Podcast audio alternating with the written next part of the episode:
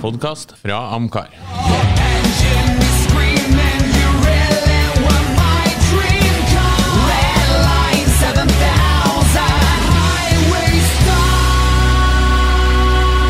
Lordens garasje, en podkast om bil. Da ønsker vi velkommen til en ny episode av Lordens garasje, og vi har på plass igjen Tore Bendiksen, som var her og fortalte oss de fantastiske historiene om Arne Bendiksen, hans far, sin Dino og Jaguar osv. I dag så tenkte jeg vi kunne derimot spørre Tore om litt mer sånn diverse spørsmål. Han har jo en lang fartstid bak seg som biljournalist. I dag så jobber du for, skriver hovedsakelig for bladet Bil. Bilautofil, ja. Ja, ja Bilautofil heter det jo i dag. Sorry. Ja. Yrkesbil. Yrkesbil, ja. Og for de som har lyst til at jeg skal skrive om bil. Ja. Og du testa jo veldig mye biler i løpet av et år. Ja, mer før i tiden, men fortsatt en god del. Ja. Jeg er litt mer uh, spesifisert på det jeg gjør. Det virker som, ut ifra det jeg leser, correct me if I'm wrong, du er litt mer kanskje på litt mer upmarket-biler du tester. Det er ikke så mye fornuftige bruksbiler. Nei.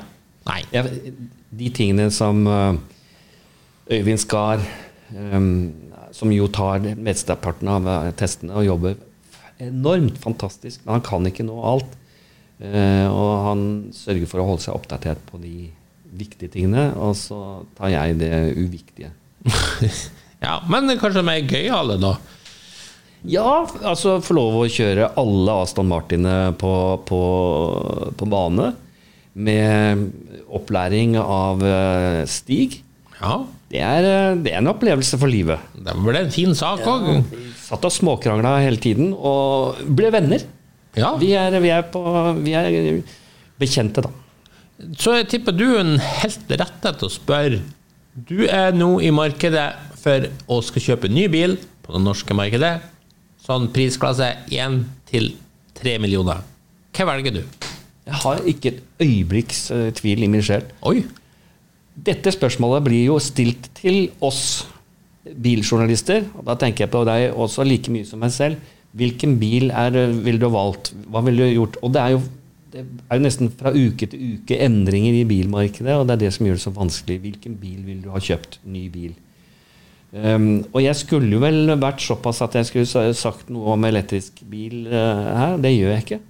For hvis du spør meg om én bil jeg vil kjøpe, så blir det um, Porsche Cayenne GT Turbo, eller Turbo GT. De, det er jo så morsomt å kunne både kalle det det ene og det andre. Den bilen uh, gjør alt. Jeg har kjørt den på bane, uh, og det er en stor glede. Uh, fordi at du kan, gjøre, du kan kjøre den så fort. Det er svære, høye gre greiene. Og så kan du kjøre den i naturen, og så kan du trekke tilhengeren. Du kan kjøre på is og snø og, og alt, og du kan sitte og ha det bra. Og så går det jo vanvittig fort. Det er 0 til 100 på hva er det, 3,9-3,6. Den bilen har alt. Du, jeg syns det var litt gøy at du drar fram den, for at jeg hadde jo en tidligere sending her, jeg husker ikke hvilken, går litt i sør, med Ove og Bjarne, der jeg trakk jo fram Porsche Cayenne som et sånn ikon fra tysk bilindustri. Jeg mener det er en fantastisk bil, den setter en helt ny standard og målestokk når den kom. Og den, dens impact on markedet kan ikke undervurderes, for den skapte nærmest en helt nytt segment for den type SUV. Absolutt. Så jeg er veldig glad for at du nå Nå nå skal jeg si at Den første generasjonen syns jeg ikke var så veldig vakker, men den skapte et nytt uh, sports-SUV-segment. jeg er helt enig. Den nye nå den er ikke veldig vakker, den heller, men den gjør alt. Og så har den dette Porsche-kvalitetene. Porsche Verdens beste sportsbil i utgangspunktet. Da tenker jeg mekanisk. En bil du kan bruke hele året, hver dag og stole på. Det er jo det som er den store gleden med Porsche. Um, selv om du finner en på hvert gatehjørne. Eh, Så, så har jeg den gleden av Porsche at når jeg setter meg inn, så er det som å komme hjem. Ja, de er jo fantastiske å kjøre. Ja, det er helt fantastisk. Har vi noen gang prøvd en dårlig Porsche sportsbil? Nei, vi har ikke prøvd noe dårlig eh, Porsche sportsbil, og en av de vi har glemt, som er en av de aller beste, går vi tilbake til 914. Ja, Den har jeg aldri prøvd, men eh, det må jeg innrømme. Helt fantastisk. Det er en ordentlig fin bil å kjøre. Ja. 911 på den tiden kan vi jo diskutere litt, for den var giftig. Altså før de den var giftig. Kjøre de første generasjonene 911, da det var liksom Det Det er de som har snurret, og de som ikke har gjort det ennå. Ja. For den, eh, den eh, slegga kommer voldsomt, og den er til dels lett foran. Men det er, det er tidlige utgaver. De var jo også mye tregere. Men nå, å kjøre en 911 i dag, det er, det er en ekstrem nytelse. ja. Jeg syns jo også Cayman og Boxster og alt er jo fantastisk. Jeg syns at Cayman er bedre. Jeg syns Cayman er den beste av dem. Ja, kan du være enig i. Eh, nå, jeg har ikke prøvd siste generasjonen, men, men før det, så Jeg fikk prøve det, og også på bane, men også på landevei. Så jeg fikk prøve den sånn Alt fungerer på bane når det gjelder Porsche, men når du kommer på landevei, så skal den ha det jeg kaller for runde hjul. Altså Det skal være behagelig å kunne kjøre Oslo-Trondheim, da. Ikke bare sitte der og småriste hele tiden. I hvert fall uh, mener jeg at det skal være sånn. Og det er mulig, for det er Lotus bevist bestandig. Ja. En bil kan ha runde hjul. Det er, det er sånn det er mantra for meg. Det er at selv om bilen er stiv som en stokk, så viser det seg at asfalten er flat hvis du har et bra understell. Og Lotus har jo vært eh, ekstremt bra på det. ja. Jeg kan ta ett eksempel fra nyere tid. Da Lotus lagde Opel, den Opel GT-en, Mhm. som jo er ø, Lotus. Setter deg inn Det er bare et skall, og det sitter der, det bråker, og det er fælt og alt mulig. Men hjulene er runde, altså. Det er stivt, men det er flat asfalt. Så kan du sette deg i en, en BMW, en hvilken M, og så er ikke asfalten flat lenger. Den er litt ujevn. Og så kan vi diskutere det. Mercedes er best på runde hjul for tiden. Det er nesten ingen Mercedes du setter deg i som det ikke bare er som å kjøre på, på et stuegulv. Selv i de oppgraderte, kraftige utgavene. Og det gjelder både el og, og bensin. Nå kommer jeg litt ut av hva vi egentlig skulle snakke om, men det var bare ja, men det ble fint. ja, Jeg er veldig opptatt av runde hjul. Ja. Det er ikke bare avbalansering av eh, felg og dekk. Det er understellet som skal absorbere det som er under. Eh, Og så skal det ikke forplante seg videre til sete eh, og ratt. Nei. Jeg syns jo til tider Jeg vet ikke om de er blitt bedre, men jeg syns jo f.eks. Audi synda litt mot det du sa på det her, en del av sine S-line-modeller. som De var bare stiv bare for å nærmest var stiv, som på en måte ødela Ja, dynamikken. Ja. Stiv, eh, og det er også en annen ting. Når du har den type bil, altså ikke rene sportsbiler For en Porsche har ikke altså Cayman har ganske runde hjul. En 911 har ikke så runde hjul. Eh, Det er eh, Jeg vet ikke helt hvorfor. Men eh, når det gjelder eh, Hva skal vi si Stasjonsvogner og alt mulig sånn, hvor du har altså S-utgaver eller du har AMG-utgaver og det skal liksom være stiv for stivhetens skyld. Og det, det er ikke noe vits i. Aston Martin har vært der. Aston har vært veldig stiv for stivhetens skyld, og det er jo en gentleman express. Så hvorfor skal den være, være sånn? Flott på bane, og det øyeblikket du går ut på landeveien, så sitter du og eh, rister sånn. Um, det er helt unødvendig. Og den der testingen på Nordboring Alle bilene skal gjennom det, og du skal ha en tid der, og de blir satt opp for det. Det er nok største syndebukken. Det er det. Ja. Det lager dårlige biler. ja, jeg er enig. Så, så kan man si ok, ja, jeg godtar en av mine Jeg har en sånn eh, fetisj på GTR.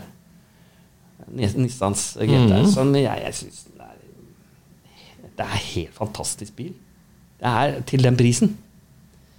Uh, men den har ikke helt runde hjul heller. Den er satt opp for uh, Nordbøring. Og den hadde jo i sin tid, uh, sånn rundt 2010-2011, eh, som standardbil de raskeste tidene ned på 720-tallet. Ja, den var jo det raskeste der en stund, ja. ja. Det var en fantastisk bil. Jeg møtte en gang designeren av uh, interiøret. Uh, og han uh, jobbet for altså, um, de som utvikler spill til PlayStation. Veldig gøy. Og det, hvis du ser på interiøret i en GTR og, og går gjennom alle menyene, og alt dette her, så er det helt PlayStation. Det er helt altså, Ja. det er sånn gaming. ja. Veldig, veldig moro. Der tok de den inn, og det syns jeg Og nå kom jeg helt ut på eh, Lorne, fordi, at, fordi at jeg mener at Japan har syndet mot interiør i, så mange år at det, det er underlig når du har Sony, som er en av de største merkevarene i, i, i verden, som har designet så mye lekkert elektronikk og utseendemessig og design. Um, og det gjelder mange andre, altså Panasonic og JVC osv. Mm. Men de har ikke klart å putte dette i bilene. Så interiørene i en, i en uh, Toyota som burde vært uh, på linje med hva Sony presenterer, Det har bare vært gammeldags. De har vært etter og etter og etter. Først nå når det er skjermer i bilene, begynner det å komme seg. Uh, og selv skjermene er ikke jeg uh, syns ikke det De overbeviser meg ikke det heller. Så det er veldig rart. Ja, det er litt rart, for det- de er liksom high-tech-landet Ja. num nummer én. Du skulle tro at de hadde mer teknologi enn noen andre på Og, det, har aldri, det har alltid vært kjedelig. Eh, og veldig, og, men sånn var det jo også uh, med innføringa av ABS. og Sånn var det med crashputer. Crashputer, Nei, det skulle ikke, det er altfor dyrt. Og det er ekstrautstyr og sånt. Og hele resten av Europa bare puttet dette her inn. For sånn skal det være. Japanerne er treige. Men så lagde de jo andre ting da, som er, som er vakkert, selvfølgelig. Ja, Ta, en- ta en Honda NR6. det er jo en særdeles vakker bil. Ja, står høyt på lista mi. Og den står like høyt som en Ferrari fra, fra 92. Altså. ja den, eh, jeg så en NSX bare for et par dager siden. Jeg har en eh, kamerat som har en og står i garasjen, og hver gang jeg ser, så tenker jeg jo det er en utrolig fin bil. Det er det. Men der har du også Feel Like Taking The Long Way Home eh, med firehjulsstyring og turbo når du kommer i ZX-en um, opp til 300 ZX fra tidlig 90-tall også, er jo en fantastisk bil. Ja, men Japan hadde ekstremt mye bra da. Sånn fra 80, 89 er jo liksom kjerneåret, Ja. når MX5 første og NSX ikke sant, blir vist. Lexus òg med sine første luksusbil. Ja. Og så utover 90-tallet så har det jo masse, masse, masse bra. Ja, Og du som liker kjøreglade sportsbiler, tar det jo for gitt at MX5 er jo en bil du setter høyt. Ikke bare høyt, men nesten helt øverst. Ja. Fordi det handler om kjøreglede. Og, og Miataen er eh, Altså, jeg innrømmer at den første generasjonen var, var litt frisør. Men du kunne jo ikke si noe annet enn at, eh, at den kjørte fantastisk med hva er det, 118 hester eller noe sånt. Det var vel kanskje K-motor Nei, nei, det var det ikke. Eh, altså, det var en liten motor. ja, det var jo det. Effekten var noe sånt, ja. Ja, og, eh, men kjøreegenskapene gjorde jo alt etter eh, Colin Chapman sine prinsipper. Ja. Det som er lett, går fortere når det blir enda lettere, og du trenger ikke så mye hester. Og da blir det mye bedre å kjøre. Ja. Altså lettvekter. Og, og den har jo sine aner tilbake til Elisen, eh, så vidt jeg husker. Jo, Elisen. Han var vel Elan Elan, Ela- mest Elan, Elan, ikke Elisen, ikke. Elisen, den er litt lenger. Elan, ja. Det, og og eh, eh, på en måte en repetisjon. De klarte å repetere noe og gjøre det fantastisk. Altså Ja. Tenk deg at lille Masta klarer å lage en så fin bil. Ja, og da var jo roadster-markedet dødt. ikke sant? Den tradisjonelle engelske roadsteren var jo borte. Ja, ja. Så det var liksom, og så fant Masta en måte å gjenopplive det der på. Ja, og så fikk jo haugevis av gøye roadstere på 90-tallet. Men nå var det USA-markedet tenker jeg, som tok dette først. Tok imot den, Ja, denne lille de tok imot den med åpne armer. Men hvordan du som er jeg, også, kjøreglad jeg må bare ja. si jeg har kjørt alle generasjonene oppover. Og den blir jo til og med nå i nyeste generasjon, så syns jeg det er, altså, det er så gøy. Det er en glede. De klarer å beholde kjøregleden i, i bilen uten å overdrive, uten 400 hester og alt dette her. De klarer å få deg Ja. til å bli hver tur til en glede, en nytelse. Og, og til og med når du parkerer bilen, så snur du deg to ganger når du går bort fra bilen, for du syns den er så pen. Det er, altså, MX Det er et kunststykke. Og det er jo også verdens mest solgte sportsvogn. Ja. Kaller det kanskje ikke sportsbil, men sportsvogn. Det er jo utrolig at de har klart å holde opp gjennom årene eh, altså hele tida levd opp til det her med lav vekt og beholdt det. De, de har aldri bare jazza på med lagt på mer og mer. Men. Altså Den er litt tyngre nå enn den var ny, men den er fortsatt en veldig lettvekter i dagens bilklima. Er det? Men det er noe med den, og nå er den jo i hvert fall ikke frisørbil eh, lenger. Eh, Jeg likte for så vidt også at eh, frontlysene kunne felles ned i, i fronten. Ja, det var jo kjempetøft. På. Det var det. Er klart, når den kom, for jeg er litt enig med det, så, så var man kanskje litt ja, kanskje litt femi, man skulle være litt sånn macho, ikke sant, og bla, bla, bla. Men, men med årene så tenker man jo Altså, hvis bilen er superartig å kjøre, det er jo det som teller. Og nå syns jeg òg designet er veldig sjarmerende. Jeg blir kjempeglad når jeg ser den første generasjonen MX5. Det gjør jeg også, for nå er den tiden altså, Det er gått så lang tid at nå, nå, nå er det sånn jeg kan grunnen tenke meg en sånn første generasjon. Ja. Mens det før var litt sånn hm, hm, Ja, den er fin å kjøre, men Ja. ja. Eh, Ikke sant? Eh, Men også hvis du ser den nyeste generasjonen i den Masta-rødfargen, det er den spesielle rødfargen de har utviklet. Som det ser ut som lakken er tre meter dyp. Mm, så de bruker på konseptbilene sine. Og, ja, ja, ja. Det er jo vakkert, altså. ja. Nei, nei, det er fin. Ja, siden du spurte meg, ja, jeg er helt enig. Jeg er en, av de beste sportsvognene i, i verden, og det viser jo salget òg. Ja, det gjør Det den mest solgte eh, Jeg kaller det ikke sportsbil sportsvogn, for jeg skiller litt mellom det. At den, den har de klassiske elementene som vi ligger i vogn. Sportsvogn. Ja, sånn. Ja, jeg, jeg bruker jo sportsbil om eh, mest av den klassiske roadster. Ja. Så, ja.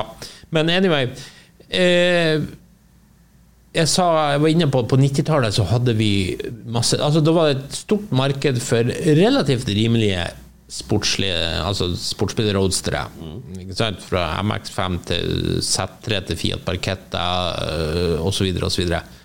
Så de som var unge entusiaster, kunne jo egentlig velge masse, og det tok jo ikke mange år før de her var enda rimeligere på bruktmarkedet osv. osv. I dag er jo de her helt borte. Fins det noe gøye alternativ for de som vil ha noe litt sportslig på, og ikke vil Som ikke koster skjorta? Bortsett fra Mastan? Ja, bortsett fra Mastan, faktisk. Nei, nå ble jeg stille. Og hvorfor har det blitt sånn? Vil absolutt alle i hele verden ha store, tunge SUV-er?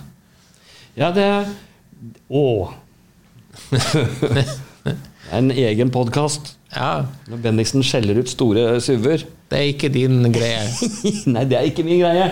Det er meningsløst. Ja, da må vi få høre det. Hvorfor er det meningsløst?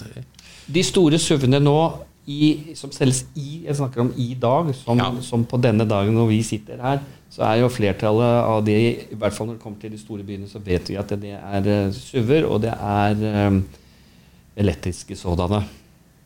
Og de er tunge Ja. og svære. Og det må de være for å ha rekkevidde. For at eh, batteriene skal ha plass til 8947 sånne battericeller, og det veier. Og dermed blir det stort. Det blir svært. Eh, men det blir ikke bedre. Det er, altså, det, jo, det er hyggelig å kjøre, det, er, det syns jeg jo, til å være så stort. Men eh, noe av det Når jeg ser en 28 år eh, gammel jente kjøre en, en BMW eller en, en stor Audi, eller for den saks skyld Vi skal ikke tro at Tesla S er noen liten bil. altså Det er en femmeterbil. Det er sant. Ja, den er som en S-klasse Mercedes. Model X, kjappstor bil. Digre greier. Ja. Som ikke får plass på de parkeringsplassene vi har lenger. Og i parkeringshus og sånt. Og når du ser disse som ikke er så innmari glad i å kjøre bil, drive og manøvrere dette her greiene her, så tenker jeg What went wrong? Og disse her Vi, vi USA er dimensjonert for det, og det er i orden. Jeg har vært mye i Statene, og det er en glede. Jeg er veldig glad i Statene, og jeg er veldig glad i å kjøre inn på parkeringsplasser i Statene, for det er plass til bilen. Det er plass. Og du ja. kan åpne døren uten å få bulk. Ja. Sånn er det ikke i Norge. Som en av mine sånne greier med SUV-greiene er, eh, er ikke bare størrelsen, men det praktiske i det. Eh, Fordi at Norge er ikke dimensjonert til det. Eh, Og så ser jeg ikke helt grunnen. Et- Folk liker å sitte høyt eh, og se ut, og det kan jeg forstå. Og det er egentlig tilbake igjen i tiden, for hvis vi går tilbake til 19 eh, til T-Forden, så satt du ganske, satt ganske høyt. Alle bilene frem til da. Vi krøp jo ned i size når 50-tallet kommer, egentlig. Eller 40-50-tallet. Eh, Men jeg kan bare ikke forstå Den har ikke bedre plass. Og den kjører i hvert fall ikke bedre. Og når du skal ta og gjøre en unnamanøver for elgen eh, eh, i Østerdalen med 2,5 tonn pluss last eh, Ta og så Gjøre en unnamanøver med det der greiene der. Det er, det er grusomt. Det fungerer ikke. Altså, Hva er det som er galt med en stasjonsvogn? Ja, hva er gærent med stasjonsvogn? Som er overlegen SUV-en på det, det absolutt meste. Og i tillegg har de fleste et større lasterom òg. Det er nettopp det de har. For det har jeg også spurt. Eh, Når du, når du åpner rommet bak på eh, nesten en hvilken som helst SUV, så er det liksom eh, 1,20 meter opp til der du skal laste inn. Så lurer du på hva er det som er under her, da? Det, hvor er det blitt av Ja. det er, Det er akkurat som på moderne motorsykler. Jeg spør ofte hva er som mellom, eh, mellom hjulet og baksetet. Ja. Kunne ikke brukt den plassen til noe, da? Det er jo en halvmeter. Ja. Det blir sånn design, men bortsett fra det, så, så syns jeg at bil bildesignere er egentlig altså Bilarkitekter er fantastiske. Altså Hvis en bildesigner hadde designet et hus, så får du mye plass. ja. De er flinke. Men på SUV-ene så syns jeg det er ødsling. Ja, for, for plassutnyttelsen er jo dårlig, Kjempedårlig. rett og slett. Ja. Så, så skal jeg si det at jeg- liker småbiler som er høyreiste. F.eks. For eksempel hvis du tar en Opel Corsa målt mot eh, Opel Mokka. Ja. Det er jo samme plattformen, egentlig. Altså er, eh, forskjellen i, i lengden på selve bilen er en fyrstikkeske foran og bak. Altså det, sier det er cirka, ja, den ene er fem, den ene er 4,16 og den andre er 4,06. eller sånn. Det er 10 cm. Men Mokkaen har jo haugevis av plass, fordi den er litt mer høyreist. Jeg anser ikke den egentlig som en SUV. Jeg ser bare at det, er en kompakt bil hvor du kan sitte ganske bra i baksetet, fordi du kan sitte på en annen måte, og så er det likevel så er det masse last. Altså målt mot en Corsa. Så den godtar jeg. Kall det gjerne så Den syns jeg er helt fin. Men den er jo mye mindre enn en Golf, f.eks. ja, det blir noe annet. Ja, og dette har vi, der er vi igjen også Jeg holder på med Jeg holder på med en artikkel om bilarkitektur og størrelser. Eh, og den heter som arbeidstittel 'Det er størrelsen som teller'. ja. uh, Veldig overraskende. Den kommer nok ikke bli trykket sånn, for den er jo ikke akkurat en nyoppfunnet setning. Men uh, en venninne av meg som skulle begynte sånn, hun skulle kjøpe en ny bil. Og så ville hun da ha en Peugeot 208, eh, men E. Altså elektrisk. Det er jo en nydelig designbil. Det er en vakker bil, syns jeg. Men den er jo designet som bensinbil. Mm. Mest bensin, tror jeg. Eh, men også fått eh, batterier etterpå. Eh, men den har jo dette fantastiske, futuristiske, nydelige, etter, min, etter mitt syn, da, dashbordet. Som egentlig burde sittet i Citroën, ikke Peugeot. Men eh, der sitter man jo med rattet på knærne. Eh, For tar du det høyere opp, så ser du ikke dashbordet, som gir denne tredimensjonalheten. Så det er er helt vanvittig kjørestilling i, i, i den Peugeoten. Så hun kunne- ikke ha det, for hun har hoftelesdysplasi. Og da blir det jo Korsa, som er samme plass, plattform. Og det var da jeg hentet en eh, Mokka. Og sa men du må, du må se på denne, for det er så innmari mye bedre bil til samme pengesum. Å nei, den er altfor svær. Den, eh, den er ikke svær. Den er, den er noen centimeter høyere enn en Corsa, og så er den en fyrstikkeske lenger foran og bak. Den er ikke svær. Jo, den er svær. Og så sier jeg men Golf er ikke svær. Nei, Golf er ikke svært. Nei, men Golfen er mye større Den er Mokka. Og så sier hun nei, men den virker så stor. Ja. Ja, sier jeg, det er følelser. Bil er følelser. Når du kjøper bil, så, er, så kjøper du på følelser hvis du er litt De fleste kjøper bil på følelser. Det er ikke rasjonelt å kjøpe, for ellers hadde alle kjøpt Toyota.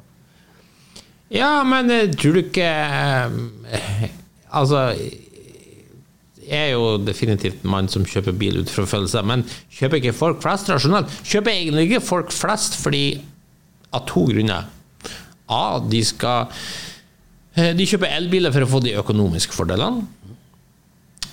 Eller be De kjøpe bil fordi de skal få en viss status i et eller annet miljø. Er ikke det egentlig det 95% av bilkjøperne gjør? Jo, men det er også følelser. Man har en følelse av uh, overlegenhet, sånn for at jeg har en Jo, jo, ok, du legger deg Ja, ok, ok, ja, nå er jeg med. Du. Det er- ligger status i det. Ja, så jeg forklarte meg litt dårlig. Um, det er også en god følelse i å kjøpe en eh, Toyota, fordi at eh, den forrige Toyotaen min, den ble min beste venn. Den er kanskje ikke den peneste vennen jeg har, men den virket alltid. Den var trofast som en bikkje. Ja, Så jeg fortsetter å kjøpe Toyota, jeg. ja. Det er en følelse i det òg, så jeg, Ja, ja. jeg forklarte meg litt dårlig. Men som bilentusiast så har du kanskje, sånn som du og jeg har, eh, utvidede følelser. Rent bortsett fra hvis jeg skulle kjøpe bil i dag, og den Porschen har jeg ikke råd til, eh, eh, så ville jeg kjøpt meg en brukt I3, altså en BMW. Den med dårligst rekkevidde, og som du får slengt etter deg. Uh, og den ville jeg brukt i byen. Og så hadde jeg kjøpt meg en eh, SL fra Altså den generasjonen som er ganske ny. F- Altså, hva heter den? 129?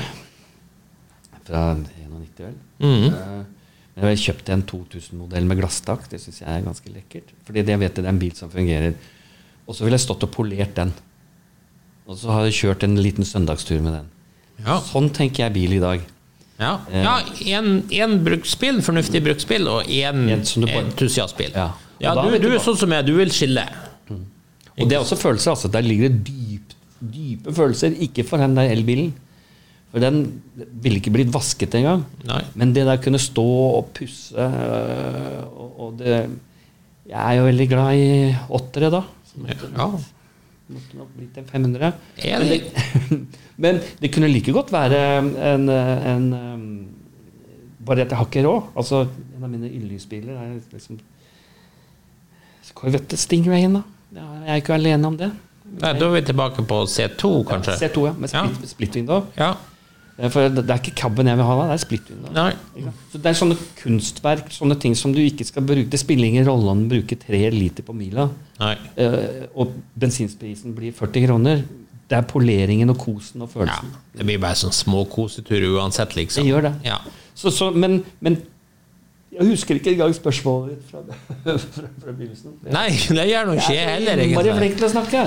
Uh, men men eh, Jo, det var eh, SUV-er og sånn. Svære SUV-er. De er, de er dårlig plass. Uh, de er tunge. De kjører ikke spesielt bra. Men folk kjøper dem, og det er også den derre det, er- det ligger en, en god følelse i å kunne kjøre i taxifilen når køen står fra, fra Asker til Oslo. Det kan du ikke nå lenger. Og nå er det momsen som er kommet. Eh, på over er det 500 000. Eh, det vil bli restriksjoner. Det vil bli dyrere også med elbil. Så vi får se hva som skjer her. Nå er vi snart i 2025, Ja. hvor det egentlig bare skal selges eh, personbiler som har batteridrift. Det blir veldig spennende. Eller veldig trist, alt ettersom. Det er trist. Ja, hva, hva vil si Du har jo skrevet om biler lenge. Hvis du skal si de siste 20 år, hva du syns har vært det mest triste eller negative som har skjedd i, i bilverdenen og utviklinga og generelt? Jeg, jeg, mm, jeg syns at det har vært en jevn Jeg synes utviklingen har vært Altså, det fine, det er sikkerheten. Mm. Og med sikkerheten så kommer jo eh, tyngder osv. Og, så og med sikkerheten så kommer også krav til design. Som kan gjøre designet litt mer kjedelig. Det blir sånn mer generisk, for du må ha visse høyder. Panseret skal kunne ta imot en som lander oppå det. Eh, Det er, det er krav til hvordan en bil skal se ut, som gjør at vi mister særpreget. Og det er litt, eh, litt synd. Um, en annen ting som er kjempesynd, det er uh, at uh, Siden du spør meg de siste ti årene, det er at den europeiske bilindustrien har vært så treig når det gjelder uh, elbiler, at uh, kineserne får lov til å komme inn på markedet med fantastiske produkter, mind you, og de ser bra ut. Men det er litt synd at ikke europeerne har vært med på, på det løpet. Uh, jeg vet ikke om jeg skal klage så mye når jeg titter tilbake på bilene. Jeg syns egentlig at det, Jeg syns egentlig at uh, altså 80-tallet til 90-tallet også var kjedelig. Jeg syns det, altså. Jeg, sy- Så jeg vet ikke sånn designmessig og sånt. Jeg synes det er, det er sikkerheten. Det liker jeg. Så Nei, det, det er jo det lett å farge ting i fortiden rosenrødt. Jo, Det er jo det. Og nå kommer jeg på hva det er jeg ikke liker. Nå kommer jeg på det! Hurra! Ja. Det er, mye, det er mye jeg liker. Eh, men jeg liker ikke når eh, vi får da eh, sånne sammenslåinger som altså Fiat Chrysler, og så legger vi til at der er Citroën, og der er nå blitt Opel, og der er at eh, Sånn alle- stadig fusjonering og Ja. Også at det er på samme plattformer. Um, det er same shit, new wrapping, men den wrappingen er ikke så veldig fin allikevel. Eh, og det, det gjør at kanskje innovasjonen vil stoppe litt opp, da. Og det, det, vi har sett en sånn Jeg, jeg syns vi har sett det i de siste ti årene. At det stadige sammenslåingen og sånt har ført til eh, at det skjer veldig liten sånn utvikling det, hvor de er forskjellige. Jeg mener, en tid så kunne visste du at her kommer det en Citroën. Du er ikke et øyeblikk i tvil om det. Um, BMW-en eh, kjenner du også igjen pga. nyrene, men nå er nyrene blitt så, så store at eh, Og det er kineserne som ber om de, at det skal være stort, for det skal kjennes igjen. Eh, det syns jeg er en fæl, fæl trend, denne grilltrenden. For de trenger jo ikke grill. Biler i dag trenger jo ikke grill. Vi har vifter og satt i radiatorer og alt mulig sånt. Men nå skulle sies, eh, eh, du sier de, de trenger ikke grill, men de bilene man ser uten grill, for meg syns er kjempekjedelig. Jeg syns alltid det blir dårlig design hvis du ikke har en grill. Altså, også de elbilene som naturlig nok ikke har det. Men jeg syns det ser trist ut. Ja, Det ser ut som når du ser en Tesla, Ja. så, så er det noe som mangler. Ja. Det er liksom 'Å, de har glemt å sette på grillen'. Ja. Jeg er helt enig med deg. Ja. Det, det er noe som mangler. Men det kan være oss. ja det kan jeg. Jeg vet jo en ny generasjon mennesker kanskje sier 'Å, den er endelig kvitt den der stygge grillen'. Ja, De sier jo, de designerne sjøl, at litt av poenget med at en elbil, for å symbolisere at den er clean ut til folket, så skal det også være en veldig clean design. Eh, som jo jeg syns er bare veldig kjedelig, og som gir deg hele et mer sånn vaskemaskinstempel enn det egentlig trenger å være. Enig. Jeg er helt enig.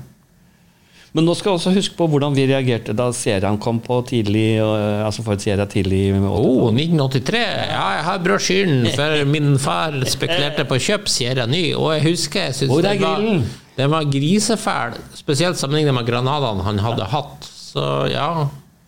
Passat. Ja, Om uten den der grillen. ja. ja, ja. Hvor Men vet du hva, den holder seg fortsatt ikke. Den, den syns jeg fortsatt ikke er noe å skrive hjemme om. Nei. Men Sierraen, den første der, en helt clean en. Ikke den der overdrevne Cosworth-vingen senere, bare en helt enkel serie fra 83. Kjempetøft. Jeg er enig. De få gangene jeg ser den. Dessverre med Ford, som jo har laget fantastiske biler bestandig. Ehm, selv om jeg ikke er noen Ford-fan, så jeg klarer å se det. Ja, bortsett fra Mustang. Vi har alle et hjerte for Mustangen og Thunderbird. Men eh, Og for øvrig, jeg må si en ting mens jeg husker det.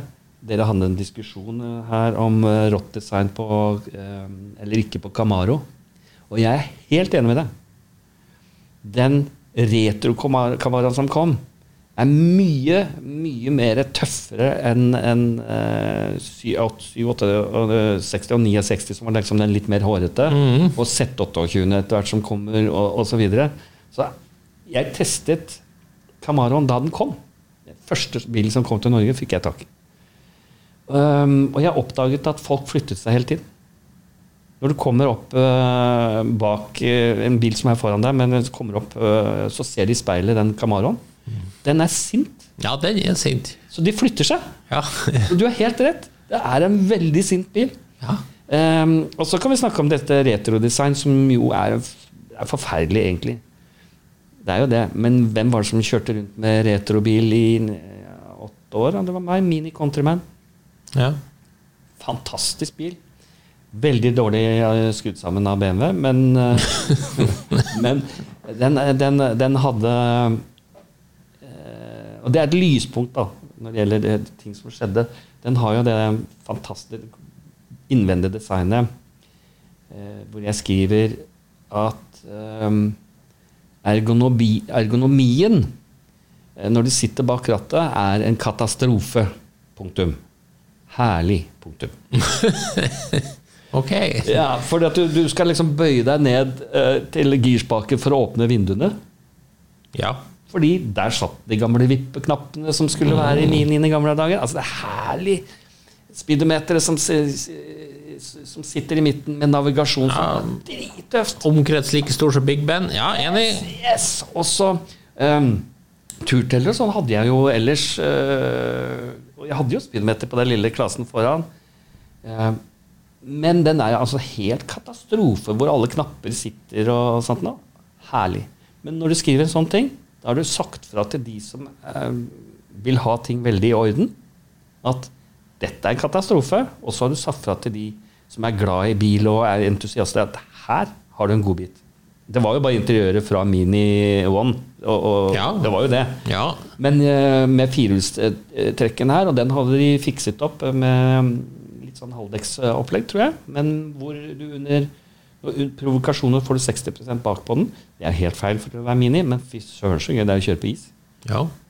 Nei, Mini er jo òg en bil som jeg føler I hvert fall de her eh, mest vanlige basic-utgavene, før de kanskje ble litt store og sånn, var kjøregledemessig helt på høyde med f.eks.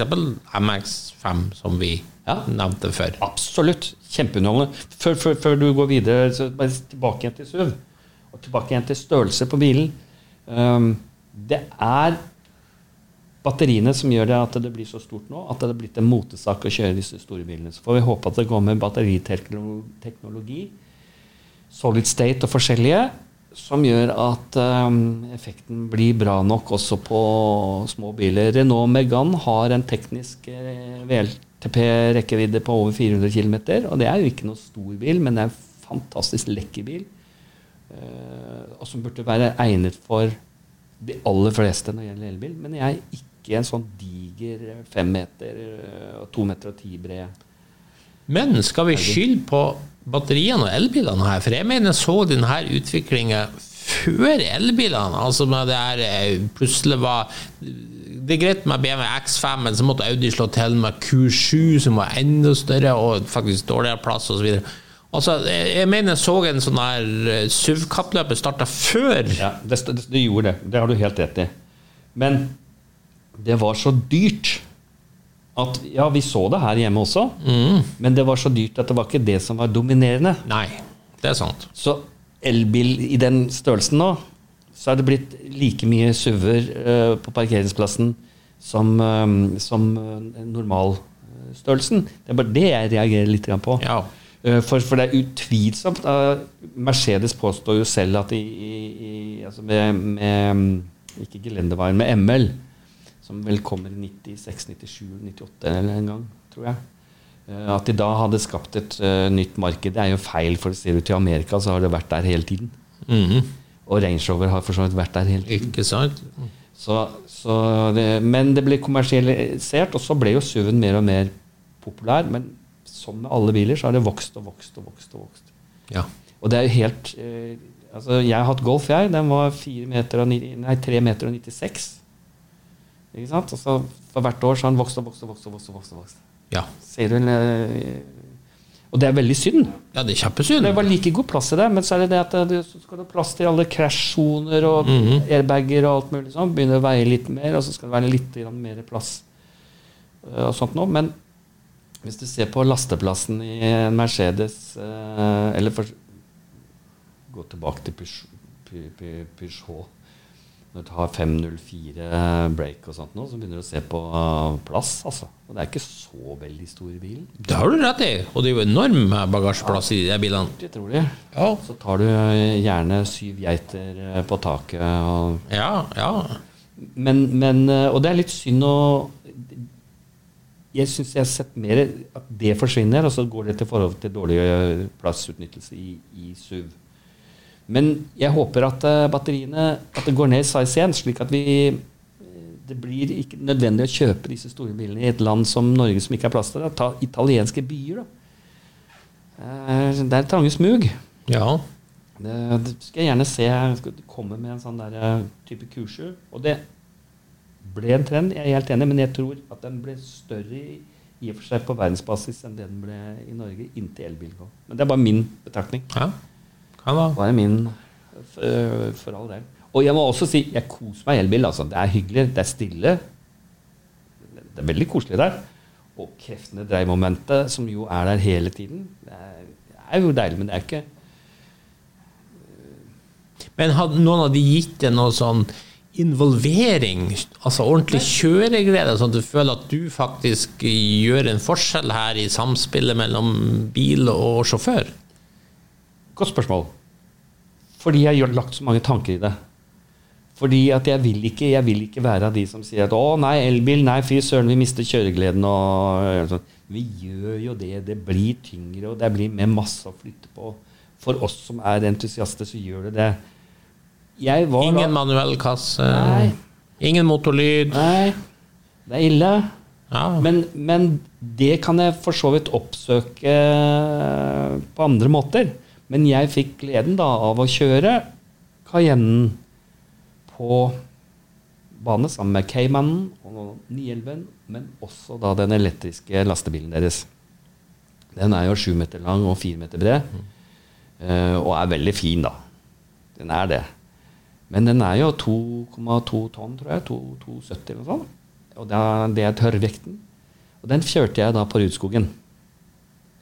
Eh, og den kjørte jeg etter å ha kjørt Cayenne. Men vi kjørte jo med sånn onkel politi foran, sånn som leder gåseflokken. Og som jeg selv skriver, jeg satt i Cayennen og kunne drikke en kopp uh, mokka uh, og lese avisen samtidig som jeg kjørte bak den rekken av biler. Og så satt jeg med den el-Porschen. Hva heter den? Ja. Kommer på det. Um, som jo er en veldig fin bil, og rask bil. Og jeg kjørte etter lederbilen, og jeg tenkte nå kjører han dobbelt så fort som det han gjorde når jeg satt i Cayennen. Og da sitter jeg mye lavere på bakken. Jeg sitter med en bil som er eh, den tøffeste ver- ver- versjonen av dem når det gjelder understell og alt mulig sånn. Og der satt jeg, og da tenkte jeg fader, han kjører jammen fort, han som leder uh. Men det var bare det at Cayennen, som jo er en stor bil, som jo er det jeg taler selv imot Altså, jeg, jeg taler jo mot de store SUV-ene.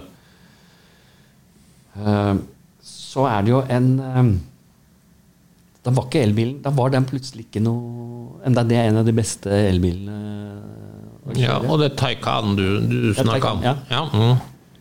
Eh, og, og det var å henge på. ja. Men som jeg sier, jeg drakk en kopp mokka, leste avisen og hørte på radioen. Så på TV og tok meg en lur mens jeg kjørte Cayenne på samme område. Så det Så stor forskjell var det på de bilene. Og da kan man bare tenke seg å sette seg ned i en Cayman. Det er, det er nytelse, altså. Det er Det er nytelse. For øvrig jeg har også kjørt uh, Maserati. Uh, SUV-utgaven deres er jo ikke så veldig stor. Den er midt mellom en, ja, den er 4 480, som er en, da, en veldig sånn gjennomsnittlig størrelse. Um, og det er jo en Maserati, da. Og koster to mil. Og jeg kunne like godt kjørt Alfaen øh, hver dag, som er samme plattform og samme bil. Mhm. Jeg kjørte den med 430 hester. Nei, 530. 520. 520 hester, altså Trofeo. Eh, og rask og fin på alle mulige måter. Og helt kjønnsløs. Akkurat. Det Det var, er jo trist, da. ja, fint. Det var sånn Ja, det er fint. Og spesielt kanskje for Jeg tar Lexusen, jeg. Ja, for det er klart hvis en SUV fra merker som Maserati og Alfa Romeo, så forventer du jo kjøreglede. Uansett om det er en SUV. Men da skal man sette seg i en Cayenne i stedet. Altså. Da får du kjøreglede. Ja. Så det var det er trist. Men vi kjørte også øh, øh, M3 mot altså Alfaen. Um, Gillan med trofeo altså Den også med 530 hester, er vel den? Firedørs. Firedørsbil. For en kjøreglede. Altså og Det er nok en bil altså, hvor du snur deg, og så er du bare så glad for at noen har klart å lage det i løpet av de siste ti årene. For da er der plutselig får du en glede. Og det er også en bil som du snur deg etter når du har parkert den, og, så, og du gleder deg til du skal ut og kjøre. Men du, du ville hatt Alfaen av de to. Å ja. Ja, jeg ville hatt BMW. Jo, du, du har bare ca. 2300 innstillinger av understellet. eh, Og sånt nå. Jo, BMW-en er, eh, er bygd bedre, men Alfaen har sjel. Jeg, jeg klarer ikke helt å se akkurat. Jeg syns BMW-en var bitte lite knipp bedre å kjøre. Bitte litt. Å, mye Og, raskere å kjøre på bane. ja, og så synes BMW Men det er ikke så hyggelig å kjøre til butikken. Det kan være. Og så syns jeg BMW ser bedre ut. Men det er bare en smakssak. Ja, Det er smakssak. Det er en For, der, for der, der er jeg ganske klar. Der er alfaen helt Ja, men det er klart, jeg hadde jo ikke takka nei til noen av de, da. Det skal jo sies. Der. Og Da er vi igjen tilbake til det, det, det det kostbare, kostbare biler. Men denne typen biler, nå er vi inne på ordentlige entusiastbiler for eh, petrolheads akkurat nå. Men eh, hva tror du om har bilhobbyen ei framtid i Norge? Eller vil den bli sånn som hestehobbyen egentlig i dag? At det blir noe sånn du må nærmest ta med hesten og i henger til ut til en eller annen travbane og så bedrive hobbyen din? Tror du det går den veien? Altså Nå tenker jeg for altså, type bensinbiler, altså entusiastbiler. Jeg, jeg syns Jeg syns det det er et vanskelig spørsmål, for jeg har jo lyst til å si at bilentusiasmen må leve, men øh, øh, hmm. Ja, tar man vare på Mac-en sin fra 1990, da? Eller Apple? Tar man vare på den og pusser den opp og kjører den? Og, for det er jo det vi snakker om. Elbil er en computer med elmotor og hjul. Ja. Det er liksom ikke, Du fyrer ikke opp, du har ikke den livet, du har ikke den følelsen. du har ikke den, eh, Det er jo ikke, det lever jo ikke på samme måte. Nei. Så spørsmålet er vil man ha en like stor glede av det. Porsches første bil var vel el. Ehm, Det ble solgt mer elbiler mellom 1900 og 1910 enn alt mulig annet. Det var jo elbilens fremtid. og så, så var det jo ikke så lett å lade de utenfor byen i USA. Så begynte de å lage veier, og så begynte de å få til dels en bensintype som kunne fungere, og biler som kunne gå, og så ble det den veien.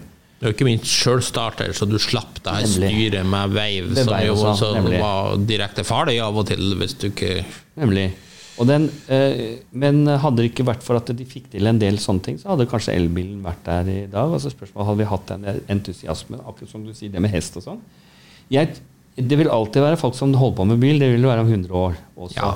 Og så hvis du da får tak i bensin, og da koster den eh, Du kjøper den omtrent på flaske, og så koster den Jeg tror det blir sånn at du får nærmest sånn e-fuel levert på tønne på døra. Tror, tror du vi er der? Men skutt forundre meg, men vi kan jo håpe at det ble funnet opp en, en, en syntetisk type fuel-type som ikke forurenser, eh, og som da du får ned i pris. De har jo de har jobbet med saken, de er langt på vei, men det er fryktelig dyrt. Det der, jeg, vet du hva, Lorden, det der syns jeg er vanskelig, fordi foreløpig i overskuelig fremtid så vil det være nok av våre biler til å være entusiasme rundt det. Eh, og de kommer jo ikke til å stoppe å produsere fossilbiler. Eller drevet av fossilt drivstoff. Jeg syns det var BMW som nettopp sa at vi kommer til å fortsette å lage Ja da. ikke? Folkevogn har sagt at vi skal bare lage elektrisk. Så det, det vil kanskje bli en fortsettelse her. Eh, og det forurenser jo ikke sånn som det gjorde før. Eh, et, et, som jeg sier om det gjelder lastebiler da, med, med sånn Euro 6-motor, så kan de stå på tomgang utenfor en barnehage og rense luften eh, slik at barna får bedre luft. Det er jo det er den retningen det går, men det er jo det er litt om CO2 og NOx og sånt som vi snakker om. Men, og at vi må gjøre noe med klima. Men jeg er kanskje redd for det du sier. Jeg. Nå, vet du hva, Spå om fremtiden er vanskelig, men jeg er litt redd for det, jeg også. Om 100 år Er bilentusiasmen da? Jeg er ikke så sikker på det. For det er ikke så lenge til nå før vi bare ringer, og så kommer bilen. Nei. Og det er ikke din, du har ikke din egen bil engang. Men kan det også tenkes Nå bare kaster jeg ut Ja, ja, ja. teori, Jeg har alle de samme rare tankene. Jeg vet jo Eh, eh, La oss si Kanskje ha det her eh, fokuset på elbil altså på en måte pika nå. At vi ser jo at det er mer økonomiske nedgangstider. Tyskland er jo i resesjon nå, leste i dag, ikke sant? Eh, Det gjør jo også at bilfabrikkene har mindre marginer å operere med. Eh, Batterier er dyrt for de. Eh, ikke minst koster elbiler mye.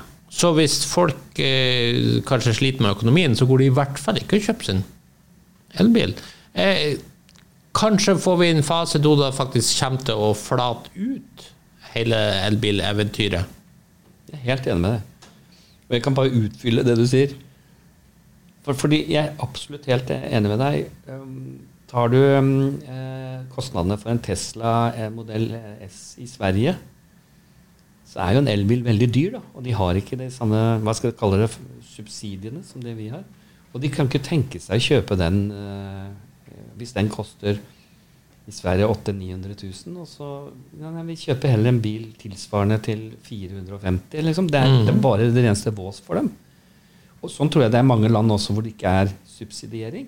Ja, og det, og det vil jo heller ikke bli noen subsidiering hvis at statskassen nærmest skrumper inn, ikke sant? Så det blir ingen som har råd til det.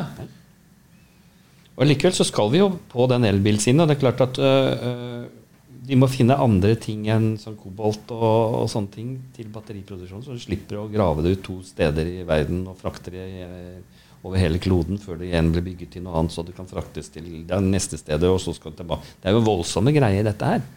Så de må finne andre løsninger på det. Jeg er jo sånn hydrogenelsker, egentlig, når det gjelder sånn. Men det hydrogen å produsere er så kraftkrevende at da får du det igjen. Det er veldig, veldig sosialt um, greie, for du trenger bare vann og luft. Ja, absolutt. Men, så trenger du en del strøm, for, eller kull, Ja. for å produsere det. Men uh, det til side, da. Jeg er helt enig med deg. Hvis du Elbiler er foreløpig fryktelig dyrt. Og det norske markedet har vært sånn prøve, prøvekanin. Ja, ja. Og, og det har vært viktig for bilprodusentene også selvfølgelig å ha et elbilprogram, fordi at det senker gjennomsnittet deres på utslipp. Som gjør at de ikke de får så mye avgifter. For det er ganske høye avgifter på hvert gram CO2 over Nå er det vel 90. Da tror jeg de betaler øh, De betaler veldig mye per gram over det. Så når, du, når du da har en øh, når du har en bil som slipper ut 250 gram CO2 per km, så blir det veldig kostbart. Så må, du, så, må du ha elbil på programmet. Så jeg tror det er mye vikarierende motiver også for, for bilbransjen. Men på den annen side så må vi må vel sikkert dit. Jeg tror vi må dit. Samtidig Jo, men men er det resesjon, så har du altså, Det er så dyrt. Ja, det er akkurat det. Har du ikke pengene, så har du ikke pengene. Det blir litt sånn det havvindstyret som man driver på med nå, og bare som for et halvt år siden så var det nevnt de trodde de kunne klare det uten subsidier. Nå er det plutselig 15 milliarder kroner. Eh, så sier andre i utvalget at det kan bli 50 milliarder. Ikke sant? Det er sånn Ingen som har kontroll over det er her. ingen som har kontroll. Først før så sa de at provenyet skulle være nøytralt når det gjaldt bilavgifter. Og Ja. at det fikk inn på bilavgifter. Og det blir det jo litt eh, endring på jo når 80-90% av salget er eh, elbil, og, det og de ikke har, får inn de avgiftene de skal. Hvis en Tesla skulle hatt den prisen i forhold til vekt og ytelse eh, i Norge, hvis vi tar bort da, og siden skal sammenlignes med fossil, så ville den jo kostet eh, halvannen million eh, lett. Altså mer enn det dobbelte. Ville du da ha kjøpt den? Nei, selvfølgelig ikke.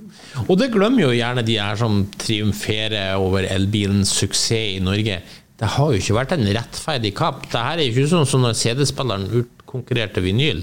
Sa at du har to produkter, så kan du velge. Det er jo ikke det. For her handler det om at det ene har fått så ekstremt økonomiske fordeler at folk har vært det.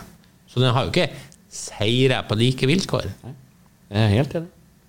Og med dette her at eh, altså Eksplosjonen har jo vært i de store byene og taxifilene. Det er jo det som har ligget til grunn.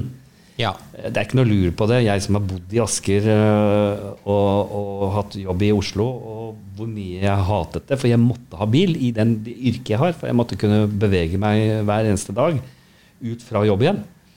Eh, så var det ikke noe tvil om det at de som seilte av gårde i den høyrefilen, de hadde det bra. Men det er borte nå. Det er tatt bort. Og nå koster det litt mer gjennom bompengeringen, og nå koster det litt mer å parkere. Så enten så må de skru opp voldsomt mye mer på fossilt, eller eh, Ikke utenkelig, Ja. Nei, det er ikke utenkelig. Men skulle de kvitte seg med bensin eh, og diesel, så må de skru den opp til 50 kroner literen. Ja. For det, folk har jo ikke Det er barnefamilier rundt der. Det er folk som uh, ikke bare kan gå og kjøpe seg en ny elbil, altså. Det er sant, det. Ja, og det fins mye fine biler der ute til, øh, som vil virke i mange år, og som koster 30 40 50 000, og som bare vil fungere. Og den bilen som forurenser minst, er den som allerede er produsert. Veldig godt poeng. Ja, og hvor Ja. eldre de blir, jo, jo mer altså, Jo renere blir de. ja. Fordi de har levd så lenge. Så det er en sånn derre det- Forskjellige måter å se dette på, selvfølgelig. Men så har du dette utslippet, da. Ja. ja. Ja, er gode tanker og refleksjoner ute der. Det, det, det, Det var vanskelig, men som jeg, jeg, er helt enig, jeg er helt enig med hvert eneste ord du sier. Og du er sikkert enig med meg. Dette her blir en sånn frem og tilbake, og vi, hvor vi egentlig Vi er litt i villrede nå. ja. Jeg vil si det. Vi er litt i villrede nå. Hvor, hvor skal vi? Ingen som vet helt hvor veien går videre. og sånt. Men Men et siste der. ja.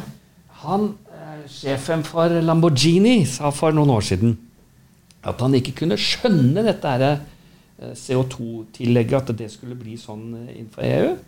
Um, fordi altså Lamborghiniene da forurenset hadde så høyt utslipp som de jo har. For han sa dette er de reneste bilene av alle. For gjennomsnitts-Lamborghinien den går eh, maks eh, hva sa, 2500 til 3000 km i året. sånn. Det var, det var sånn. Jeg sier, Mhm. jeg, det er sånn cirka. Som gjør at utslippet jo blir ingenting i forhold til eh, 15 000, 20 000 på en vanlig tysk bil. Eller italiener. ja. Så det blir, det blir feil måte å, å måle alt dette på. Absolutt. Og det, og det gjelder jo for alle oss som liker entusiastbiler. Ja. Vi har gjerne biler som er noen år, og som blir kjørt lite. Ja. Jeg kjører en Honda 750 Får fra 75, som jeg har restaurert fra molekyler. Eh, Den lekker olje fortsatt, særlig fordi, særlig fordi det er jeg som har restaurert den. Eh, men jeg merker jo at eh, når jeg kjører Eller når jeg starter den opp, så er, det er jo den lukten der, da. Den lukten som min mor var så redd for. For at eh, jeg lå der som guttunge så lå jeg jo bak biler og på parkeringsplasser og sniffet eh, eksos. For jeg syntes det var så god lukt. Men hun var ikke redd for eksosen, hun var redd for at bilen skulle rygge og kjøre over meg. Men, Ja, såpass, ja. ja, ja, men da fikk jeg Jeg får jo ofte assosiasjoner til den lukten, og jeg er egentlig glad for å slippe den, altså. ja. Jeg er det. Når Hvis jeg kjører bak en, en eh, amerikaner fra, fra 60-tallet på, på vanlig landevei her, så har jeg lyst til å kjøre forbi, for jeg syns det lukter fælt. Og ikke minst diesellastebiler. Klassiske Scaniaer og Volvoer og ja, sånt. ja. Fytti rakkeren, det er ikke greit. Vi har glemt den uh, Det, det er et godt poeng. En annen ting vi har glemt, er inne i byen, hvor alle biler da eh, slapp ut. Ja. Vi må ha vent oss til det i hodet at sånn skal det lukte. For når vi nå møter den lukten igjen, så er det sånn Å, ja, her Ja er det utslipp, gitt. Det blir litt sånn som røyk, vet du. Ja. På utesteder og sånt før. Ja. Du har glemt hvor ille det liksom egentlig var. Jeg, jeg, jeg, jeg, har røykt mye i mitt liv. Nå er det jo det 15 år siden jeg sluttet. Men jeg har røykt mye. Og jeg har ikke vært sånn røykestalinist. Det er tillatt Nei, folk må røyke så mye de vil. Og det har jeg begynt å bli stalinist igjen nå. Jeg jeg orker ikke å gå inn i et eh, lokale jeg med, med røyk. Altså Gå forbi på en flyplass hvor det er lov å Ja, røyke inn ja, ja. i burene. Så tenker jeg inni bord så sto jeg. Ja. Og så går vi forbi, så tenkte jeg åh. Så vi glemmer litt smerten fra i går. ja. Vi gjør det. Vi gjør det. Så, så det, har, det har vært en sånn fremdrift uh, på dette. Men når det gjelder bilentusiasmen Jeg er redd du har rett, jeg. Jeg har tenkt litt. Jeg tror vi ender på, om 100 år på den på hestehobbyen. Ja. Driver med modelljernbane og gamle amerikanske biler. Ja, ikke sant? Nei, men Tore, du vet, tror vi avslutter der, og så bare oppfordrer vi alle nå? til å nyte bilen mens du kan. Kjør pent som faen. Veldig fine avslutningsord. Takk for oss. Absolutt. Da takker vi av for denne gangen. Hvis du likte det du hørte på, gjerne gi oss en eh, femstjerner på iTunes. Ellers følg med på Refuel for masse spennende bilstoff. Og husk at du kan nå oss på Facebook-sidene både til Lordens Garasje og Refuel. May the force be with you.